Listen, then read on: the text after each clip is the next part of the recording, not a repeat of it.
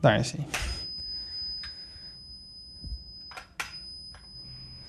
was zeker de sleutels vergeten. Hey guys, welcome to 30 Days of Yoga with Adriene. I'm Adriene and it's day 21. Yay, congratulations.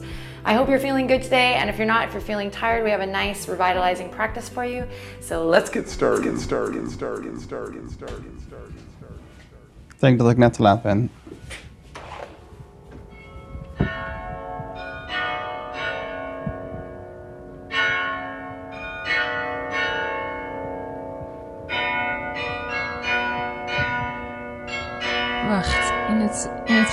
Viel het eerste stukje van de zin weg, dus ik zeg het nog een keer. Hey, die Dennisje. Hey, die Dennisje. Hey Dennis. Hey Dennis. Hey Dennis, hier is Marijn met weer een, eh, een dagboekverslag, zeg maar, of een weekboekverslag. Oké, update van deze week. Ehm, Het gaat eigenlijk eh, eh, wel redelijk oké. Ik eh, eh, begin te wennen hieraan, wat ik ook een beetje verwarrend vind. Want eh, nu is dit soort van normaal aan het worden en heb ik zoiets van... Jezus, hoe deed dat eigenlijk elke dag? Van hot naar her en, en dingen doen en zo.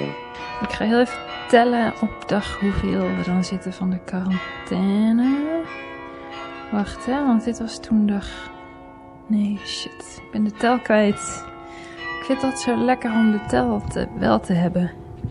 Jongens, hoorden jullie wat ze net speelden? Stille nacht. Bizar toch? Ja. 31 maart. Doe het wel vaker.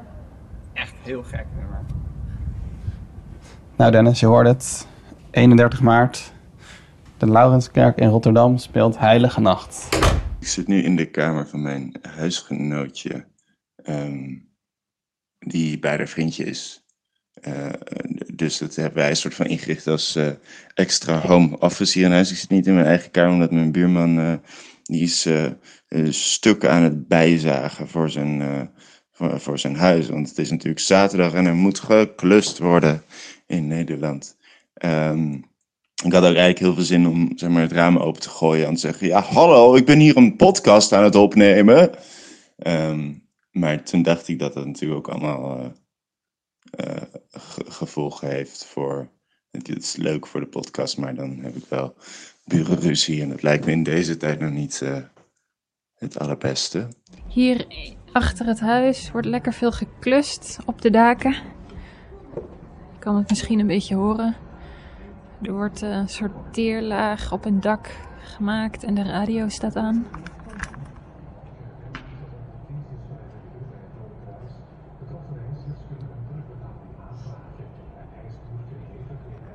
Nu luisteren ze naar het nieuws, de twee mannen. Ik werd maandag wakker en toen werd ik wakker dacht, ah, het is maandag. En toen dacht ik, ah, fuck, die corona shit. En het voelde een beetje alsof ik een kater had, ook al had ik niet echt veel gedronken volgens mij. Dus daar moet ik wel tegen kunnen. Uh, een laag mannenstem op.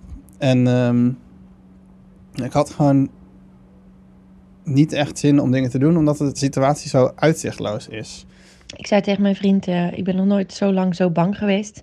En toen zei hij, goh, iemand zou eens een eh, theatervoorstelling moeten maken over angst.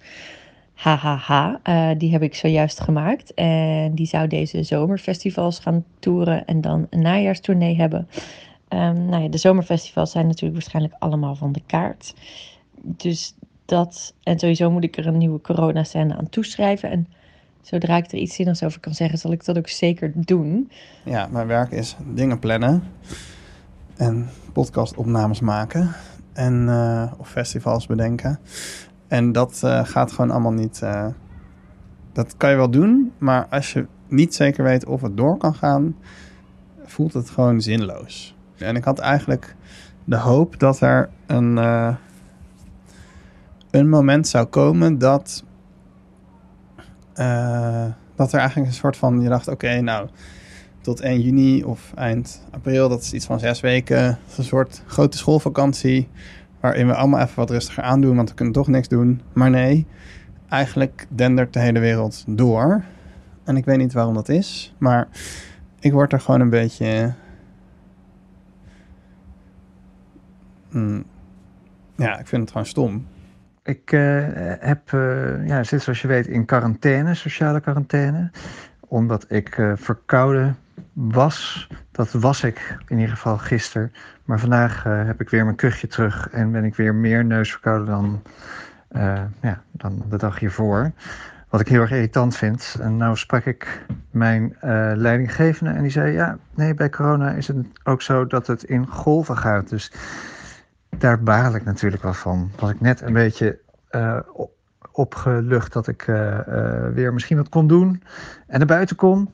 Maar nu blijf ik toch thuis. Voor weer een paar dagen in ieder geval. Tot het weer zo is dat ik weer even gezond ben. Goed, daar baal ik heel erg van. ik was graag naar buiten gegaan. Had me daar eigenlijk ook alweer een beetje op ingesteld. Maar ja, dat blijkt dan weer niet zo te gaan. Ik dacht, voor de gelegenheid ga ik even een stukje opnemen tijdens het hardlopen.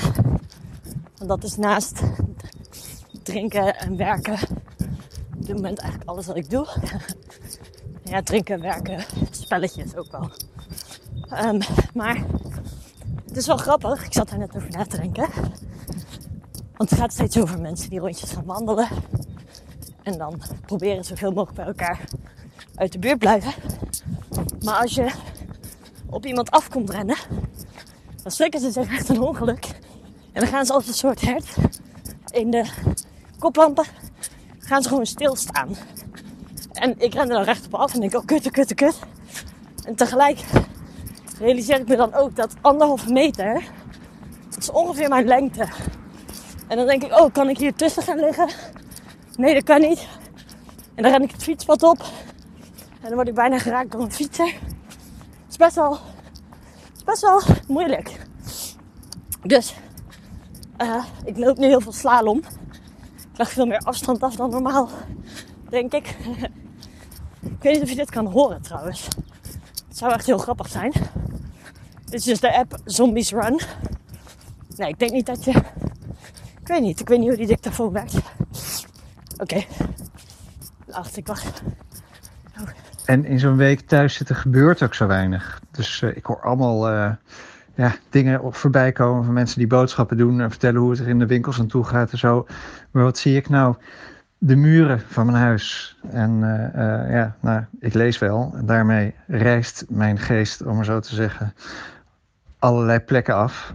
Maar ja, het wordt toch een beetje saai inmiddels. Verder ja, loop ik dus met de app Zombies Run. Het is een soort audioverhaal um, waar de zombie-apocalypse is geweest en jij bent een van de laatste overlevenden. En je moet elke keer als je gaat hardlopen, doe je eigenlijk een missie. En dat was ook wel gek, want het leek echt. Het vertoont dus best wel veel. Nou ja, natuurlijk niet, want het is allemaal niet zo erg. Maar er gebeurden wel dingen in, die, in dat verhaal dat ik dacht: oh, dat is toepasselijk. Weet je wel. Als het over paar maanden en we zouden dit niet kunnen verslaan, deze ziekte, corona dat dan iedereen wel iemand verloren heeft. En een van die missies gaat dan ook over mensen die ruzie maken omdat ze iemand zijn verloren. En dat ze dan zijn tegen elkaar schreeuwen, we all lost someone. En toen rende ik zo door het park en toen dacht ik, oeh, too real. dus uh, ja, dat is ook wel een, uh, een gekke parallel of zo met de werkelijkheid. Ik zit hier nu op de bank met de kat op mijn schoot en een bakje koffie. En dat is het nieuwe normaal. Um, er is een soort uh, kalmte die af en toe over me neerdaalt. En daar voel ik me soms ook schuldig over. Ik denk, oh, mag ik me wel gelukkig voelen of rustig of senang nu, in deze verschrikkelijke tijden? En nu sta ik voor een dilemma. Want ik heb deze week iets gezien. Um, en dat was zo erg dat ik moest huilen. En eigenlijk huil ik nog steeds als ik eraan denk. En als schrijver wil ik het met je delen omdat het zo'n schrijnend en tekenend beeld was. En tegelijkertijd wil ik niemand kwetsen of onnodig opzadelen met dit beeld. Misschien vond ik het wel te gruwelijk om met je te delen. Maar ik was een paar weken geleden in New York. Um, daar bezocht ik een vriendin die een moeilijk jaar heeft gehad. En het was heel fijn om met haar te praten. En nu worden er uh, lichamen geruimd. Ik kan het niet anders zeggen, geruimd. Dat heb ik gezien. En ehm, in dezelfde straten. En mijn hart, mijn hart bloedt voor Amerika. Ik heb daar twee vrienden die ziek zijn. Ehm, ik heb er vier hier in Rotterdam die allemaal aan de beterende hand zijn.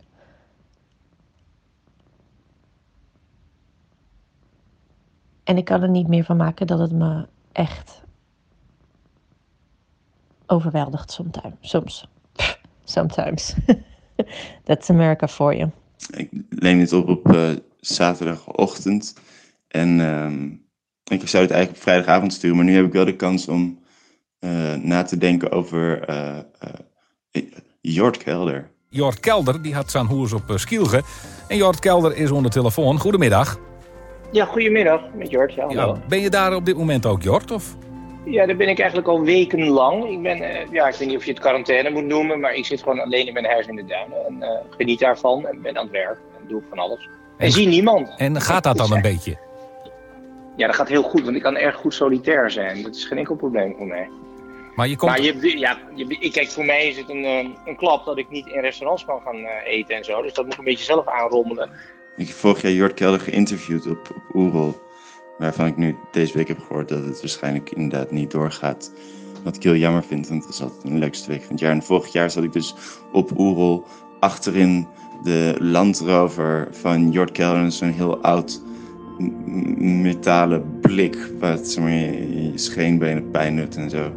En um, we over dat eiland met een te hoge snelheid. Uh, uh, terwijl hij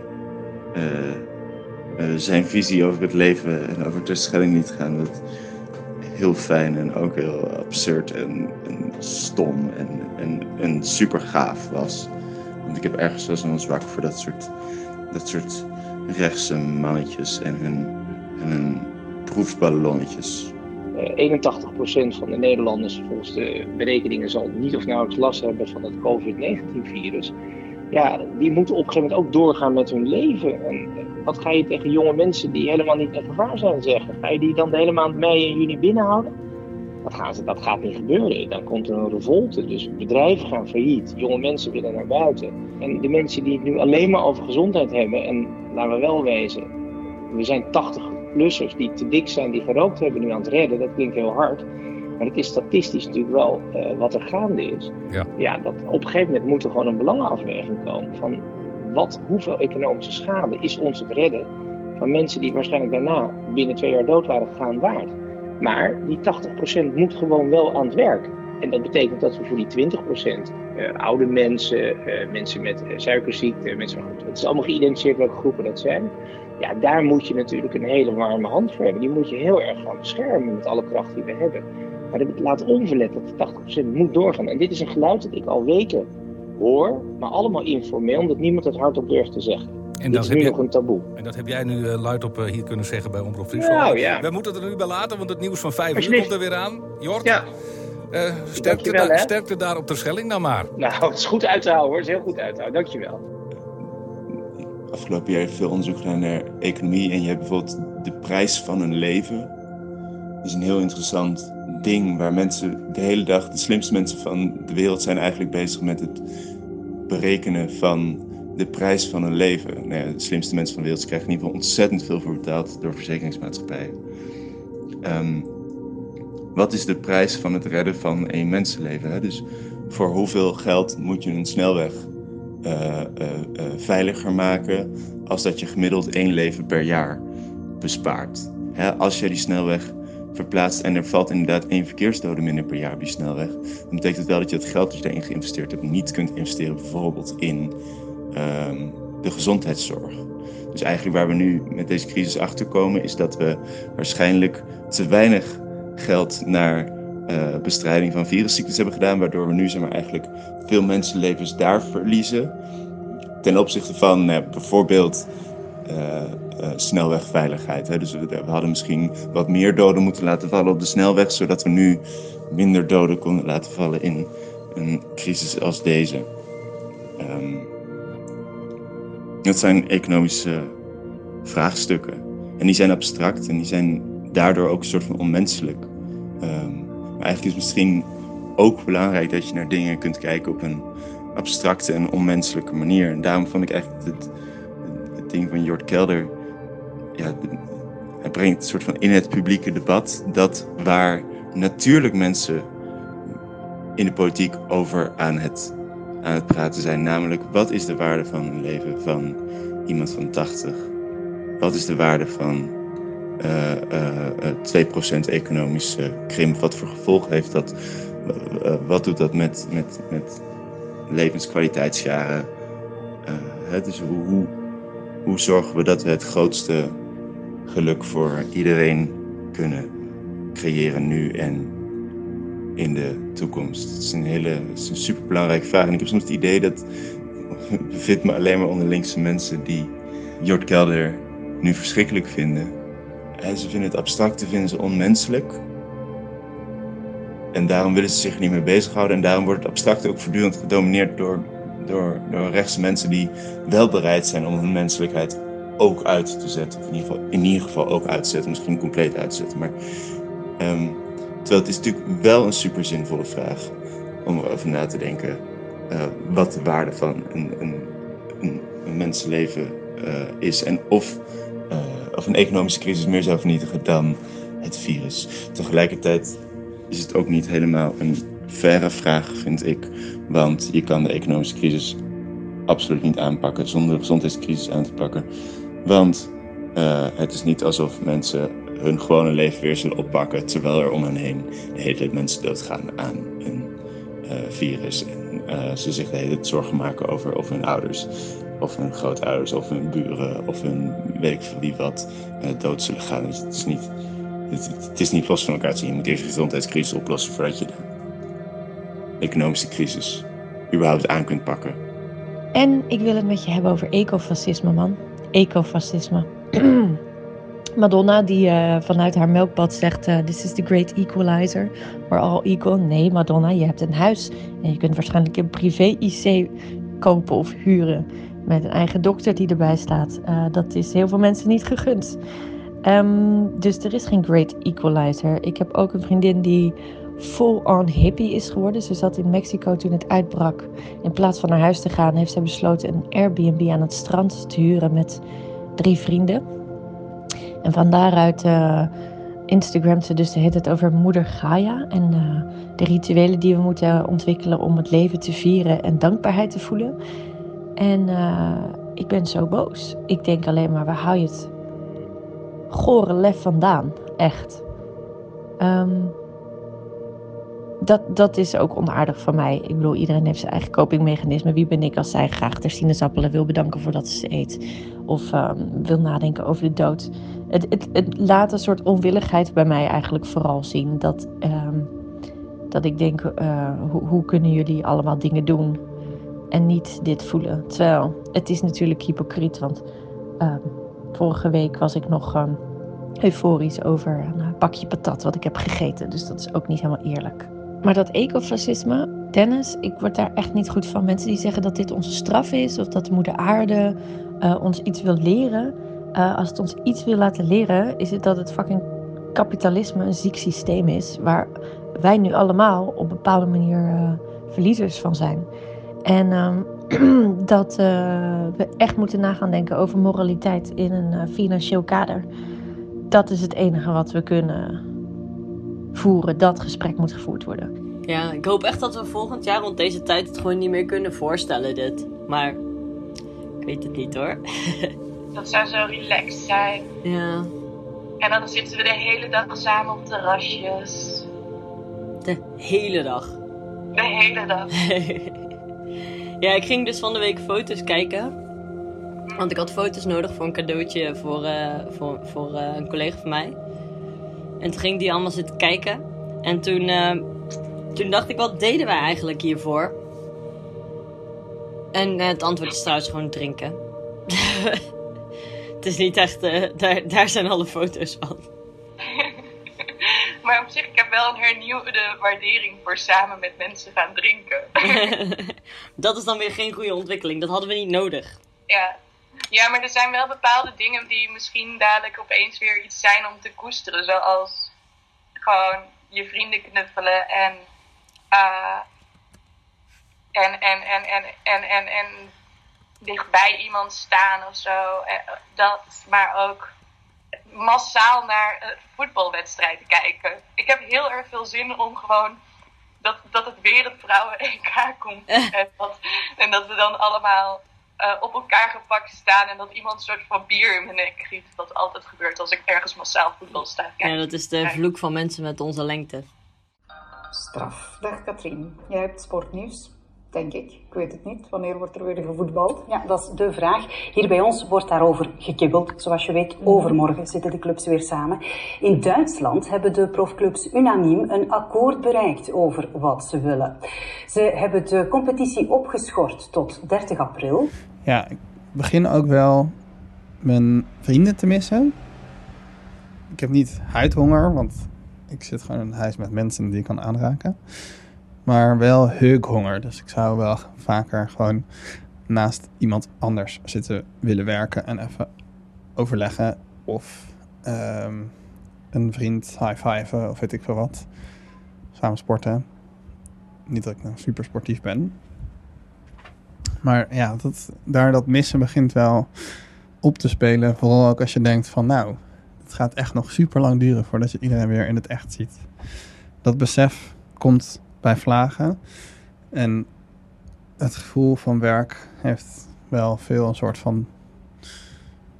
Je, hebt de tijd, je bent aan het werken met een soort donkere wolk op de achtergrond. Eh, ik moet zeggen dat ik wel me heel erg verheug op de eerste concerten en festivals en dingen die ik weer kan doen na de crisis. Ja, ik denk dat dat heel bevreemdend gaat zijn. En gisteren zei een vriendin, misschien zijn we dan ook echt een hele periode helemaal overprikkeld van zoveel mensen om je heen hebben, omdat we dat dan helemaal niet meer gewend zijn. Tja, dat zou goed kunnen, hè? Wat me heel erg opvalt deze week is hoe relatief tijd eigenlijk is. Want iedereen zegt, oh, we hebben nu zoveel tijd. Je hebt zoveel tijd nu. En ik weet niet of het de zorgen om, om de wereld zijn of de, eh, ja, de stroom aan informatie of, of gewoon het feit dat je zoveel opties hebt. Maar ik heb dus echt het gevoel dat ik veel minder tijd heb dan anders. Als ik nu ook iets moet gaan doen, dan denk ik, oh, gaat het wel lukken? Dan moet ik helemaal met de fiets daar iets op gaan halen. Eh, terwijl normaal doe je dat dan gewoon even tussendoor. Dan kan dat nog prima. Even tussen je werk en de, en de boodschappen of zo. Maar dat heb, ik dus, dat heb ik dus helemaal niet. Dat ik nu het gevoel heb dat ik nu eindelijk tijd voor dingen heb of zo. Dat is helemaal niet, dat is helemaal niet aan de hand. Oh ja, dat kan ook nog komen door de zomertijd natuurlijk. Die is ingegaan. Wat kan ik verder nog eens zeggen? Ehm, dat ik een beetje moe ben van eh, het werken via schermen. Ik vind toch vier dagen per week, acht uur per dag achter zo'n scherm. Dat vind ik toch eigenlijk te veel. Ik vind eigenlijk dat het. eh, sowieso vind ik dat werkdagen zes uur zouden moeten zijn. En ik vind dat werkweken. eh, ja, drie of vier dagen zouden moeten zijn. Maar dus dan niet vier dagen van acht uur. Dat vind ik, Dennis. Ja, stop dat er maar in. Dat vind ik. En dat vind ik ook als er geen coronacrisis is. Maar als er wel een coronacrisis is en je zit aan je scherm geplakt, dan vind ik niet dat een werkdag acht uur mag duren. Wat wel een positieve ontwikkeling is, was een stuk in de New York Times dat ik las.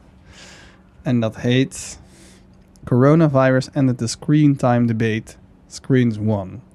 En dit is dus, ja, omdat iedereen nu de hele dag alleen maar achter zijn scherm zit te overleggen en te zoomen en te appen. Dat deden we natuurlijk al, alleen hadden we een soort van illusie dat er ook nog zoiets als, is als de echte wereld. Maar door deze maatregelen zijn we dus geforceerd om bij elkaar te gaan, eh, of niet meer bij elkaar te komen en dus via schermen te communiceren. En je hebt natuurlijk in iOS bijvoorbeeld ook die screen time eh, calculator. Ja, die, niemand gaat daar nu nog moeilijk over doen, want je moet gewoon de hele tijd op je scherm zitten. En ik ben moe, smatje.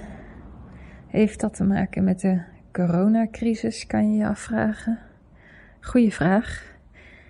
Ik denk het uh, wel een beetje. Ik denk namelijk dat ik uh, niet gewoon moe ben, maar dat ik beeldscherm moe ben. Als je even nagaat, uh, mijn, week, mijn werkweek ziet er dus nu zo uit dat ik vier dagen per week, acht uur per dag achter een scherm zit. Want al die dingen die ik niet voor een scherm deed, zoals even overleggen met iemand, iets vragen, iets uitprinten, iets doorlezen, een les geven, een afspraak met een student, schrijfcoaching, uh, al die dingen of, nieuw lesmateriaal verzinnen. Alles is op het scherm. En ik was al niet zo dol op beeldschermen. Ik vond het juist leuk aan deze baan uh, dat ik zo lekker vaak weg mocht van het beeldscherm. Dus uh, nou, nu een beetje de nieuwigheid van de nieuwe technologie er af begint te raken, vind ik het gewoon vooral heel intensief. En ik vond het altijd zo kwalijk als mensen dan tegen mij zeiden: Ja, je zit alleen maar op je telefoon. Want alle andere mensen zitten volgens mij net zoveel op hun telefoon. Um, dus dan ga je iemand terechtwijzen van iets wat je zelf ook prima doet. Ik ken ook genoeg mensen die in het openbaar een boek lezen of de krant. En dat is dan niet erg, maar op je telefoon kijken wel. Maar het lijkt erop alsof dat dus nu gaat verdwijnen uit, uh, uit het discours. Dus het tegen het scherm zijn. Het scherm, schermen zijn nu oké. Ja, ik heb nu nog meer dan anders dat ik dan in alle uren buiten die werktijd, schermtijd, dat ik nu echt eh, een afkeer heb van het scherm. Um, het televisiescherm gaat dan nog net voor het nieuws, maar series, echt, het kan me allemaal gestolen worden. Ik lees dus boeken, ik maak veel wandelingen. Uh, ik ben een beetje aan het knutselen, stiftdichten, kleine tekstjes aan het schrijven, aanzichtkaartjes, dat soort dingen. Ja, ik heb wel wat dingen gedaan. Ik heb een uh, naaimachine gerepareerd. En uh, nou is hij op een andere manier, werkt hij niet goed. Het begint een beetje te piepen, dus hij moet geolied worden. En dat is niet voor een leek als voor de leek die ik ben iets wat ik kan doen. Dus hij moet toch naar een reparateur toe. Er is hier een slotenmaker over de vloer geweest. Die heeft een oplegslot gerepareerd dat aan het wiebelen was. Ik heb kasten verplaatst. Nou, dat is wel fijn, want er stond iets verschrikkelijk in de weg in de woonkamer. Uh, we hadden tijdelijk hadden we een letterkast midden in de woonkamer neergezet voordat we ruimte konden maken op de kamer van Nicky, die daar haar schelpen in gaat bewaren. Nou, dat heb ik dan gedaan. En ik heb wat uh, zaadjes geplant en nou ja. Ach, ik heb wel wat gedaan, maar het is wel een beetje. Het begint een beetje vervelend te worden um, laat ik nu ook proberen een soort proefballonnetje op te laten gaan. En, en daarin, het is iets over abstract en uh, concreet. Vorige week uh, was ik bezig met een, met, een, met een model waarbij ik zou berekenen hoeveel mensen of hoeveel mensenlevensjaren ik vernietig, vermoord, door met de trein naar Groningen te gaan en weer terug om Yvonne te zien. Deze week heb ik ook uh, een verjaardag van een vriendin gevierd. En uh, hebben we cocktails uh, drinkend via het scherm tarotkaarten gelegd. Um, en het ding met tarotkaarten is net als met bomen. Ze hebben altijd gelijk. En het helpt altijd. Um, ook als je er niet in gelooft. Dus um, ja, dat, je, je zoekt toch ergens, ook als je niet in God gelooft of in moeder aarde pijlen, houvast, dingen die je richting kunnen geven. Elke dag moest ik een soort van het model weer bijstellen. Ik ga ook niet zeggen wat er is uitgekomen. Ik ben in ieder geval nog in Utrecht. Ik zit nog steeds over te denken naar Groningen te gaan. Maar ik, ik moest het, omdat er nog zoveel onhelder is. Zo moeten de mensen die dus hier echt mee bezig zijn op abstract niveau, dus bij het RIVM in Nederland, moeten die hier ook de hele tijd die berekeningen die ze maar echt nog een real-time, zeg maar, fors aan het veranderen zijn. Dat hebben. En dat is eigenlijk wel heel fascinerend. Dat die, om dat gevoel van abstracte onzekerheid dat zij moeten hebben, uh, uh, ook te, eh, hebben, doordat ik zelf ook aan het rekenen was. Er schijnt ook een enorme opleving te zijn van eh, jongeren die eh, weer in horoscopen geloven. En dat zie ik ook, dat er nu dus mensen oppoppen, oppuppen, op, in mijn tijdlijn verschijnen. eh, die dus eh, tegen betaling uitgebreide eh, astro tarot card readings doet. Of je astrologische charts helemaal uitpluizen voor je. Ehm, ja, blijkbaar ook als je niks te doen hebt en vast zit in je eigen huis, wil je te horen krijgen wat, wat je zou moeten doen. Oké, zal ik dan een tarotkaart voor je leggen voor deze dag? Dan gaan we daarna echt, echt, echt aan het werk. Ja, oké. Ik moet ook allemaal dingen doen. Zin in. Oké, ik ben aan het schudden hoor. Moment. Ik heb mijn ontbijt ook bijna op. Lekker. Het heeft iets te maken met abstract en concreet, want wat ik merkte was dus dat allemaal mensen in mijn omgeving, waar ik eigenlijk dan vroeg van, hé, hey, moet ik nou naar Groningen gaan of niet? Dat die zeiden, eh, weet je, het is Martin, je moet, gewoon, je moet gewoon gaan. Je moet gewoon gaan. En dat ze dan vervolgens allemaal argumenten gingen eh, geven waarom ik niet zou moeten gaan. Dus hè, eh, dat ze dan die trein voor zich gingen zien en dan, weet je wel, hoeveel stoelen zitten er binnen, anderhalve meter. Ehm, eh, en wat als je zelf besmet bent? Nee, je weet het niet. En dan misschien besmet jij dus wel andere mensen. En, en daar voel je dan ook verantwoordelijk voor. En we moeten met z'n allen zo en zo. Dus, dus dat eigenlijk zeg maar, ze in concrete zin vonden dat ik A moest doen. In abstracte zin vonden ze eigenlijk dat ik B moest doen. Maar omdat ik natuurlijk iemand ben tot wie ze zich concreet verhouden, omdat ik maar gewoon een kennis ben of een vriend ben of een, een zoon van ben, eh verhielden ze zich tot mij eigenlijk eh, in de concretie en niet in de wat ze vinden dat, dat, dat, dat in abstractum zou moeten gebeuren. Oké, welke kant voel je? Voel je je een beetje links of voel je je een beetje rechts? Jouw rechts of mijn rechts? Ehm jouwe. Mijne. Ehm, Ik denk dat die twee dingen in balans moeten zijn. En ik denk dat zeker linkse mensen in, in, in, eh, in een concreetheidsval kunnen trappen. Zeg maar stop. ik ben aan het denken. Oh, ja, ik doe maar. Je hebt vandaag de koningin van Kelken getrokken. Oké, dat is een waterkaart. Dus, dus dat betekent dat je lekker in je emoties gaat zitten. Eh, Want dat doe ik normaal nooit. Dus dat is mooi. het staat voor een eh, warme en zachtaardige vrouw. Wat heb ik nog meer gedaan deze week? Ik heb onder andere geyogaat met eh Nikki. Dat was erg leuk. Eh, terwijl we eh, Yoga with Adrian keken. Die doet dan allerlei yoga voor. En dan volgen we dat, s ochtends. Heet opstaan. Een soort van eh, ochtendsgymnastiek. En ook smiddags. En dan is het meer een workout.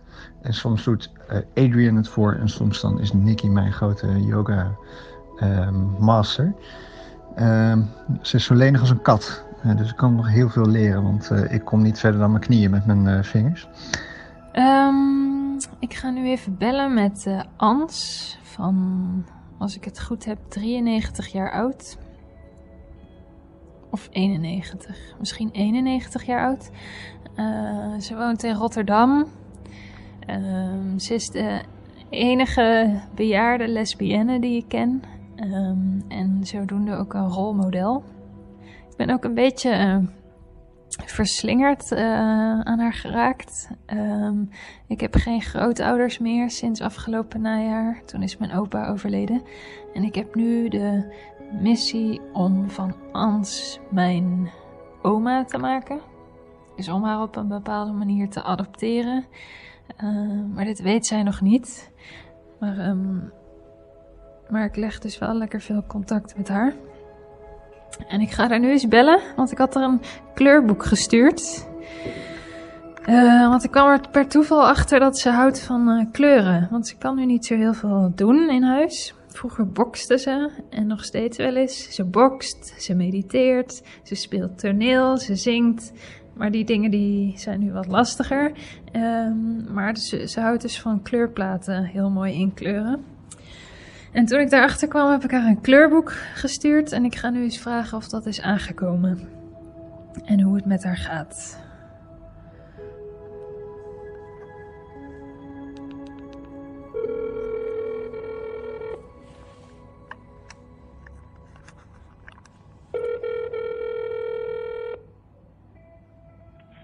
Goedemiddag met mevrouw Straven.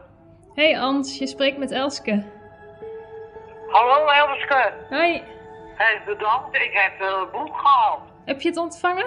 Ja, mooi hoor. Ja? Mooi. Ja, eh, ook heb eh, broden gebakken. Dat was eh, eh, ook leuk.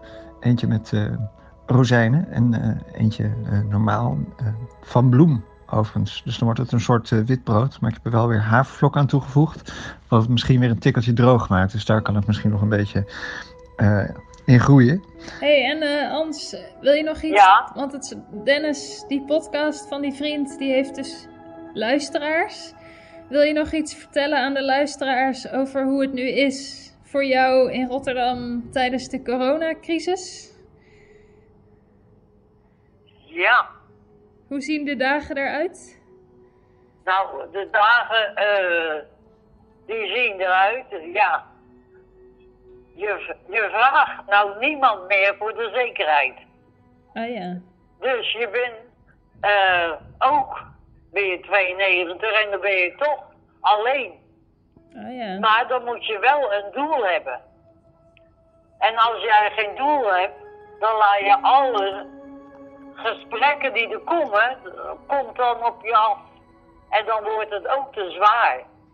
Dus dan heb ik zo gedaan. Als ik dan een tekening heb, dan ga ik tekenen. Of inkleuren eerst. En dan ga ik een schilderijtje maken. Wat leuk. En dan vind ik dat eh, heel mooi dat ik eh, dat gedaan heb. Dan verveel ik me eigen niet. Want anders word je automatisch toch zaggerijnig als je binnen zit. Mm. Want dat ontkomt niet aan de Jan. En dan zet ik zachtjes een romantisch muziekje aan. Hoe zachtjes vreet ons bootje al op het spiegelend weer, weet je wel? Oh ja. En eh, dus eh, dat eh, ga je of ehm eh, ehm, mijn wiegje was een spijzelkissie, mijn deken was een weet je wel? Oh ja. Ik heb een aantal kettingbrieven rondgestuurd en daar wat reactie op gekregen. Kettingbrieven, zou je zeggen. Wie doet dat nou? Nou ja, ik ben dus een van die schuldigen die dat heeft gedaan. Dat is eh, een kettingbrief waarbij je dan eh, aan twee mensen vraagt hem door te sturen. En degene die dan zo'n brief ontvangt, die moet dan ook... eh, of aan, ja, ja, ik slecht eigenlijk helemaal niet goed uit. Eh, de, de kettingbrief die je ontvangt, moet je naar 20 geïnteresseerden sturen. En die 20 geïnteresseerden moeten jou weer een antwoord geven. En het thema van die kettingbrief, dat is eh, poëzie. Dus je bent dan gevraagd om een gedicht terug te sturen. Nou, het enthousiasme is vrij gering. Dat heet, ik heb het wel doorgestuurd naar zoveel mensen. Maar ik heb maar heel weinig teruggekregen. Eh, tja, je hebt wel betere dingen te doen als je op je handen zit thuis.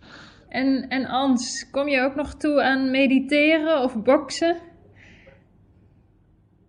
Nou, ik ben eh bokser. Dat heb ik even een paar weken niet gedaan, omdat het niet in orde was. Oh ja. Toen moest ik eventjes uitschijnen boksen. Hmm. Want ik had eh, weinig eh, kracht. Mijn geest wilde ook, maar mijn lichaam moet dat weten. Hmm. Dus, maar nou krijg ik weer energie ervan. Dus dan kan ik over een paar dagen, dan geef ik weer een paar lekkere kleine klappies. En dan gaat dat hoe langer hoe harder, maar dan ben ik weer in mijn element. Wauw. Dan zeg ik, ik sla je even neer. Ken, boem. Tegen wie, je zeg, wel? tegen wie dan zeg je je dat dat? beter op de mond wel doen. Tegen wie zeg je dat dan? Ik sla je neer. Nou, tegen mijn eigen. Tegen jezelf. Tegen mezelf, want ik, ik moet tegen mezelf praten. Oh, maar je, maar je zegt het tegen de Nou, Als ik op de boksbal sla, dan zeg ik, nou jongen, daar ga je. Get, boem. Weet je. nou, en dan is het weer. Ja, zo breng ik mijn dag door hoor. Ja. Nicky en ik overigens eh, hebben een heel leuk idee. ehm, eh, wat we nu uitvoeren. Overigens heeft Nicky dat eh, bedacht. Die las ergens dat in april het Poëziemaand is eh, in de Verenigde Staten. Eh, iets goeds dus wat uit die hoek komt. En nu zoeken we elke dag een mooi gedicht voor elkaar uit in deze maand. En dan, eh, nou, het is ook nog wel een leuk iets om te doen. Woensdag hadden we vrij. Dat zou ik je ook even opsturen. Omdat Sylvie en ik toen twee jaar verkering hadden, dus dat gingen we vieren met een dag vrij. Oh, weer die gekke kerk. Maar dit is zeker voor de zorg. Ja, dit is voor de zorg. Zeven uur. Hm? Sylvie, kom je? Ja. Wat gaan we doen dan? Uit eten? Uit eten? Ja. In huis? Ja. Hoe dan? Heb je eten besteld? Waar? In de keuken? Besteld in de keuken. Welke keuken? Mangiare. Eh, misschien is het aardig als we even beschrijven wat hier gebeurt. Lisa. Ja, het is natuurlijk een beetje raar dat ik hier ben. Want het is Ja, jullie jubileum. Het is ons jubileum. Ik woon hier. Het is Ook. geen jubileum, het is gewoon een verjaardag. Het is een anniversary. En wat voor anniversary? Current anniversary. Van wat? Van onze verkering. Yay! En om het te vieren hebben we gedaan. Eten besteld.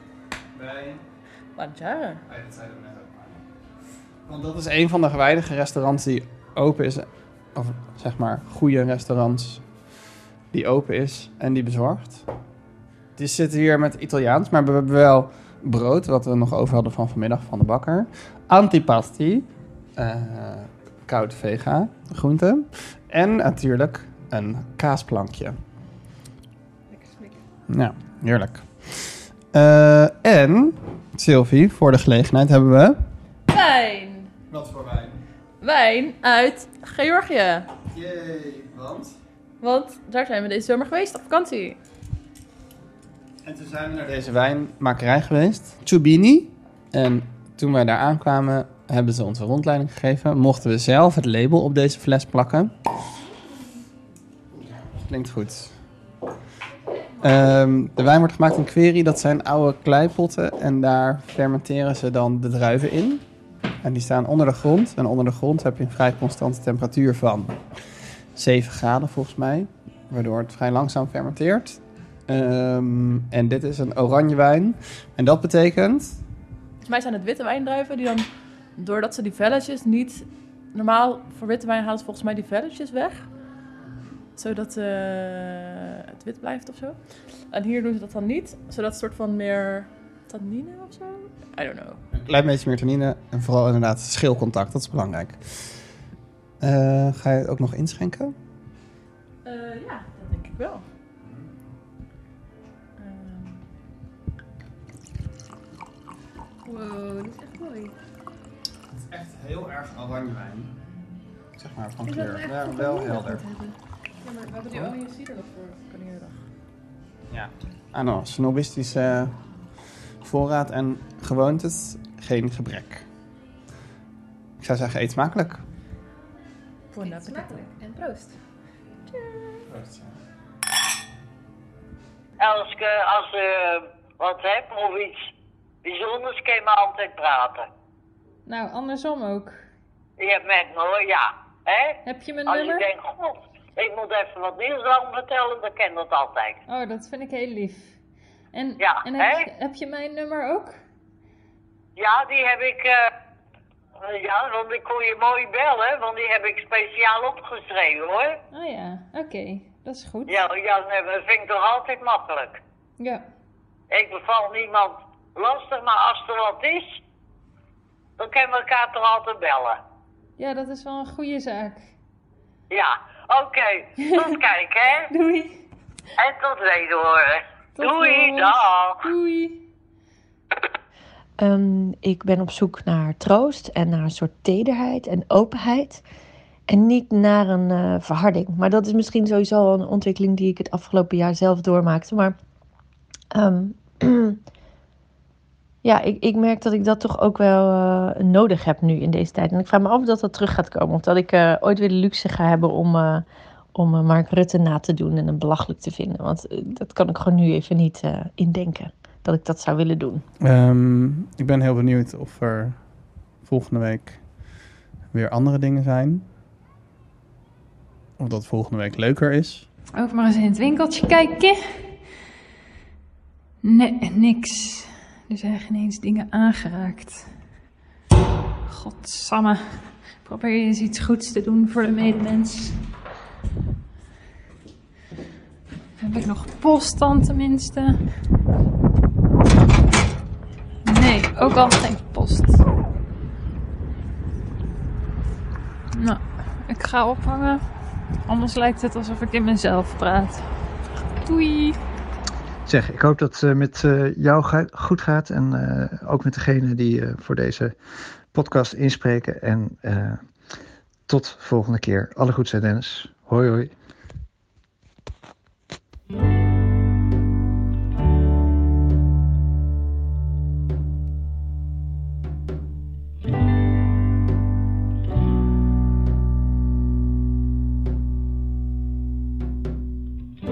Dit was Sociale Onthouding Week 3. Een update dus weer. Het leek me een beetje onzinnig om dat aan het begin nog een keer te zeggen. Ik bedoel, jullie snappen het wel. Dit is Dit Is, een podcast over wat dan ook. En zolang het duurt, is dit Sociale Onthouding. Met in volgorde van opkomst Lieve Heremans, Elske van Lonkhuizen, Martin Rombouts, Josien Wijkhuis, Marijn Schipper en Elfie Tromp. Doris van den Burg liet weten dat deze week hetzelfde was als de vorige. We zitten in een fase. Jullie krijgen wel de groetjes. Links naar iedereen vind je weer in de show notes.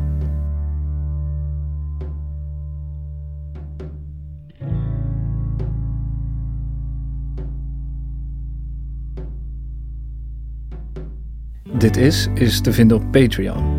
Daar kun je Elskes hele gesprek met Ans terugluisteren voor 1,50 dollar per maand.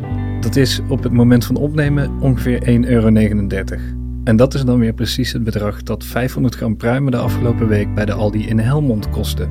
Maar tegen de tijd dat je dit hoort is die actie al voorbij, dus heb je die 1,39 euro over. Just saying.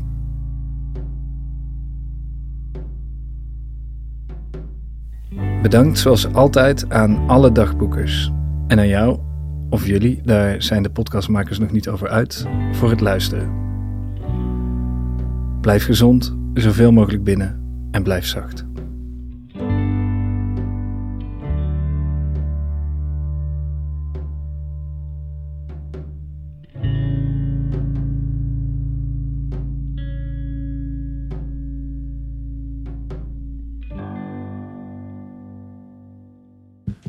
Oké, Dennis. Ehm, ik ga nu iets leuks doen, namelijk jouzelf toevoegen in je eigen podcast. Of je het nou wil of niet. Want als het goed is, het is nu tien voor half vier. Ben jij aan het bellen met Misha en Roosmarie van de Podcastclub. In de Jitsi. Ik ga nu connecten. Hallo. gaat gewoon automatisch een verband zoeken. Hallo, een inbeller. een inbeller. Ik ben het. Stel je vraag. Hoi Dennis. Hallo. Wil je ook in je eigen podcast? Sorry, ik hoor jou niet. Wil je ook in je eigen podcast? Wil ik ook in mijn eigen podcast? Nee, nee, nee, nee, nee.